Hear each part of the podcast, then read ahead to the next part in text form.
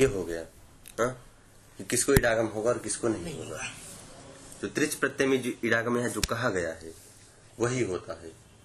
त्रिच प्रत्यय में कुछ भी विशेष नहीं है। तो सामान्य इडागम हमें पता चल गया कि अगर अजंत है अजंत में अगर रीकारांत और उकारांत आता है तो ये सेठ है।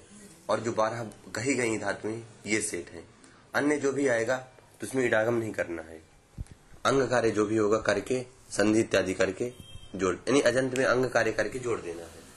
हलंत में अगर इरागम होता है यानी एक सौ दो धातु में है तो संधि करके अंग कार्य करके जोड़, अंग कार्य करके संधि करके जोड़ देना है। संधि पहले नहीं करनी, पहले अंग कार्य। ठीक? और यदि इरागम होता है तो अंग कार्य करके जोड़ देना है। क्योंकि हलंत है वो ये हलंत है तो वही करना है। जैसे लिख लिख धातु नहीं कही गई है। और यहाँ ऐसा है कि जो कहा गया है केवल वही अनिट है। अगर ककारांत कहा गया है एक तो एक ही अनिट है। खकारांत नहीं कहा गया मतलब खकारांत सब सेठ है। जैसे लिख उंख ठीक? ये कैसे है? सेठ है ये। खकारांत है।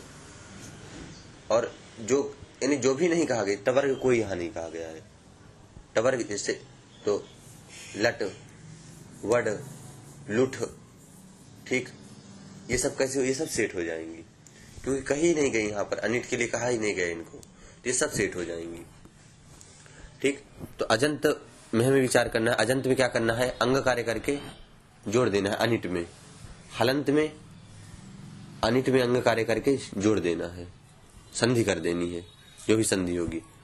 और जब इडागम हो जाएगा तो अजंत में गुण इत्यादि करके और इकारांत उकारांत को जो भी प्राप्त होकर कर देना है।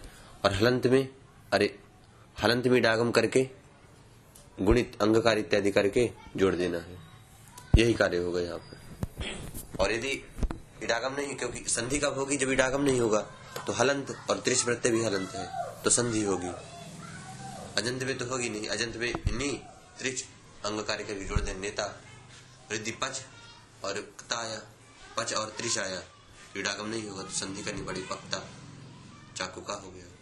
तो संधि करनी नहीं संधि तब होती जब दो हल एक साथ हो अथवा दो अच एक साथ तभी संधि होती है। हच अच, अच के बाद हल और हल के बाद अच हो तो कभी संधि नहीं होती।